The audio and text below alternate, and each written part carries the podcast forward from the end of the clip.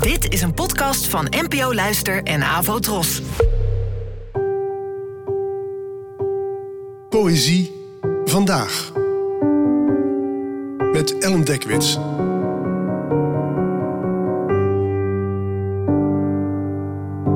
Hallo, fijn dat je luistert. Het gedicht van vandaag heet Als je wist. En het is van de Amerikaanse dichteres Ellen Bass, geboren in 1947 en het werd vertaald door mij. Als je wist.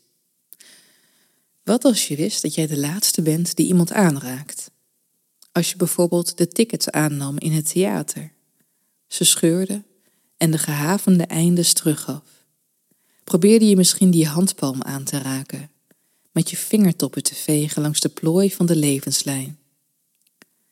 Wanneer een man zijn rolkoffertje te traag voortrekt door de luchthaven. Wanneer de auto voor me geen richting aangeeft.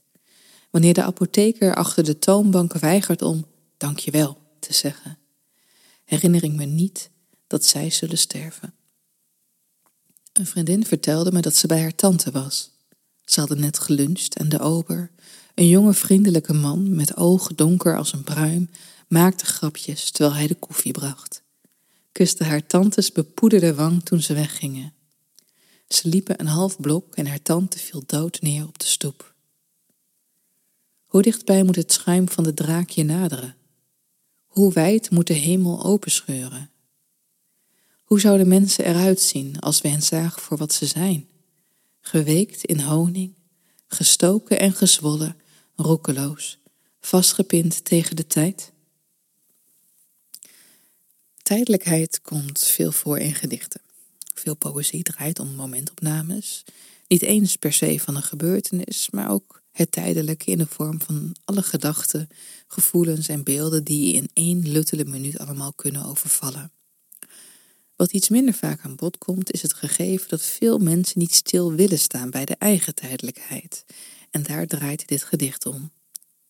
Hoe dichtbij moet de draakje naderen of de hemel breken? Wat zou er gebeuren als we er echt bewust bij stilstonden dat alles maar voor even is? Zouden we dan schrikken omdat we, zo staat er op het slot, eigenlijk weinig bewegingsruimte hebben, zo vastgepind op de tijd, zo geklonken aan onze eigen eindigheid? Het laat zich natuurlijk raden, en dit vers schud je toch maar weer even wakker. Gedenk te sterven.